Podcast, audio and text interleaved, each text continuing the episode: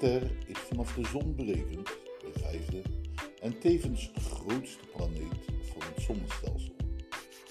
Net als Saturnus is Jupiter een gasreus. Hij beschikt dus niet over een vast oppervlak.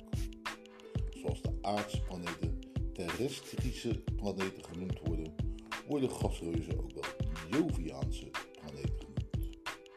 Deze naam is afkomstig van het Latijnse Jovis, genitief van de naam Jupiter. Joviaans betekent vrij vertaald Jupiterachtig of van Jupiter. De planeet is naar de Romeinse oppergod Jupiter vernoemd. De massa van Jupiter is 2,5 keer zo groot als die van alle andere planeten van het zonnestelsel bij elkaar. De massa is relatief zo groot dat het massamiddelpunt van zon en Jupiter, waaromheen deze een baan beschrijven, buiten het oppervlakte van de zon ligt op 1,068 keer de afstand van de kern tot het oppervlak. Hoewel de diameter van de gasreus 11 keer zo groot is als die van, van de aarde, heeft Jupiter een veel lagere dichtheid. Het volume van Jupiter is ongeveer 1321 keer dat van de aarde. En toch 318 keer zo zwaar. De diameter van Jupiter is ongeveer 10 keer zo klein als die van de zon. De massa van Jupiter is ongeveer 0,1% die van de zon. De massa van Jupiter wordt vaak gebruikt om die van andere objecten, vooral exoplaneten en bruine dwergen, aan te geven. Zo heeft HD 209458D een massa van 0,69 m. MJ. Jupiter heeft een massa van 1 m. En 1 ja.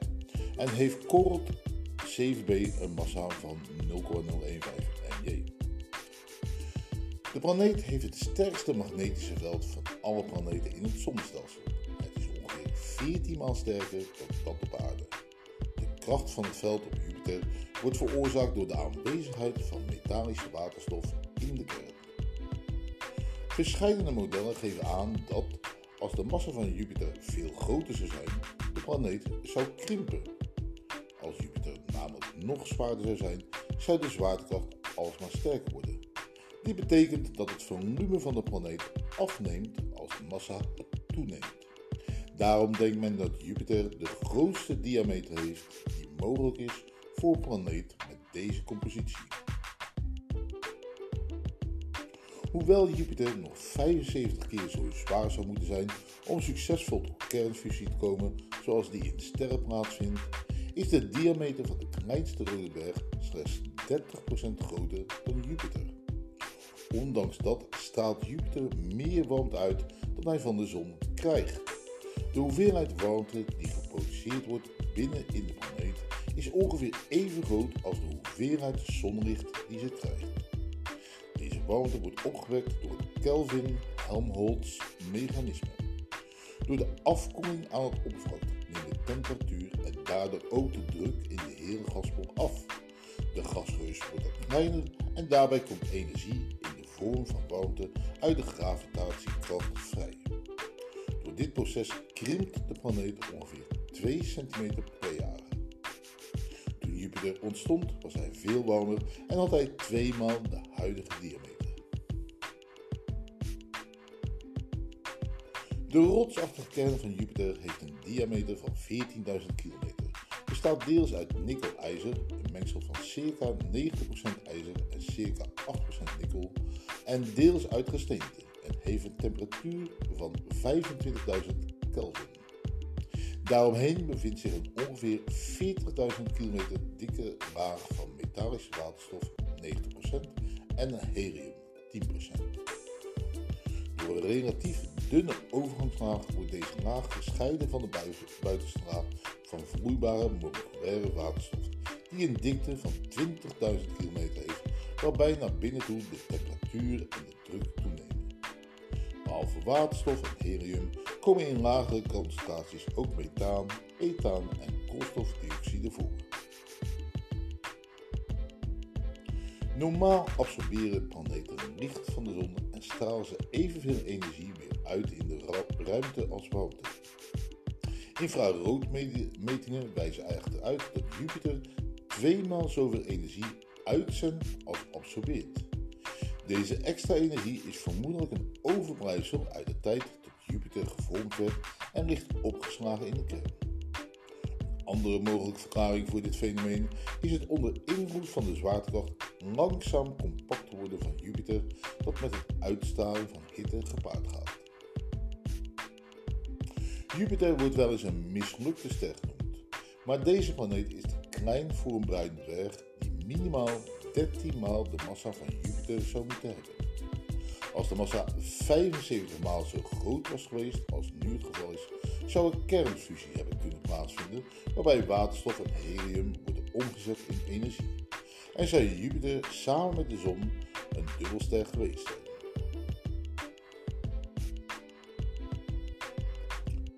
Samenstelling atmosfeer. Waterstofgas 90%, helium 10%, methaan 3000 ppm, ammoniak 260 ppm, waterstof, waterstof 28 ppm, ethaan 5,8 ppm, waterdamp 4 ppm, fosfine, sporen, waterstofsulfide, sporen, ammonium waterstofsulfide, sporen. Aangezien Jupiter geen vast oppervlakte heeft, is de grens met de atmosfeer niet eenvoudig aan te geven. Meestal wordt de hoogte waarop de druk 1 bar bedraagt als referentiepunt genomen. De atmosfeer van Jupiter is ongeveer 3000 km dik en bestaat uit gas. In de gehele atmosfeer waait het dus tot 3000 km diep. Het deel daarbinnen draait als een geheel. De atmosfeer van Jupiter bestaat hoofdzakelijk uit waterstof en helium. Andere gassen die worden aangetroffen zijn methaan, ammoniak, waterstofdehydride, ethaan en waterdamp. Fosfine, waterstofsulfide en ammonium waterstofsulfide komen slechts sporadisch voor. Deze gassen zorgen voor de rode, bruine en witte wolken. De dichtheid en de lage temperatuur zorgen ervoor dat de atmosfeer van Jupiter zich meer als een vloeistof dan als een gas gedraagt. De vele stormen in de atmosfeer worden vermoedelijk veroorzaakt door de hoge temperatuur in de kern van de planeet en de snelle rotatie. Een van de opvallendste eigenaardigheden van Jupiter is de grote rode vlek iets ten zuiden van de evenaar. Deze vlek wordt veroorzaakt door een anticycloon die al minstens 300 jaar voortraast. De rode vlek is drie keer zo groot als de aarde. Sinds de eerste waarnemingen in het begin van de 18e eeuw is de vlek in omvang afgenomen. Desondanks heeft de grote rode vlek de kleine rode vlek verschonden, doordat deze te dicht bij de grote rode vlek kwam. Vergeleken met 100 jaar eerder was de vlek in 2000 in grootte gehalveerd. Het is niet bekend of dit wordt veroorzaakt door schommelingen of dat de vlek ooit volledig zal verdwijnen.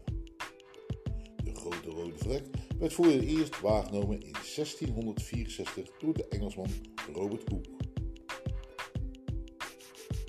Eind februari 2006 is een nieuwe rode vlek ontdekt. Deze vlek is ontstaan door versmelting van drie reeds aanwezige ovale witte vlekken tussen 1998 en 2000. Deze kleine vlek steekt net als de grote rode vlek uit boven de bovenste wolkdek. Bij de vorming deed de vlek dit en daardoor is ze pas later ontdekt. Zij groeit nog steeds. Tussen 16 en 22 juli 1994 sloegen 21 fragmenten van de komeet Schumacher-Levi neder in op het zuidelijk halfrond van Jupiter. Dit was de eerste keer dat botsingen tussen hemellichamen direct werden waargenomen. De grootste inslag op 21 juli had een kracht van 250.000 megaton TNT. Verwacht wordt dat als gevolg van de grote omvang, massa en zwaartekracht van Jupiter dit soort botsingen veel vaker voorkomen. Tot zover Jupiter.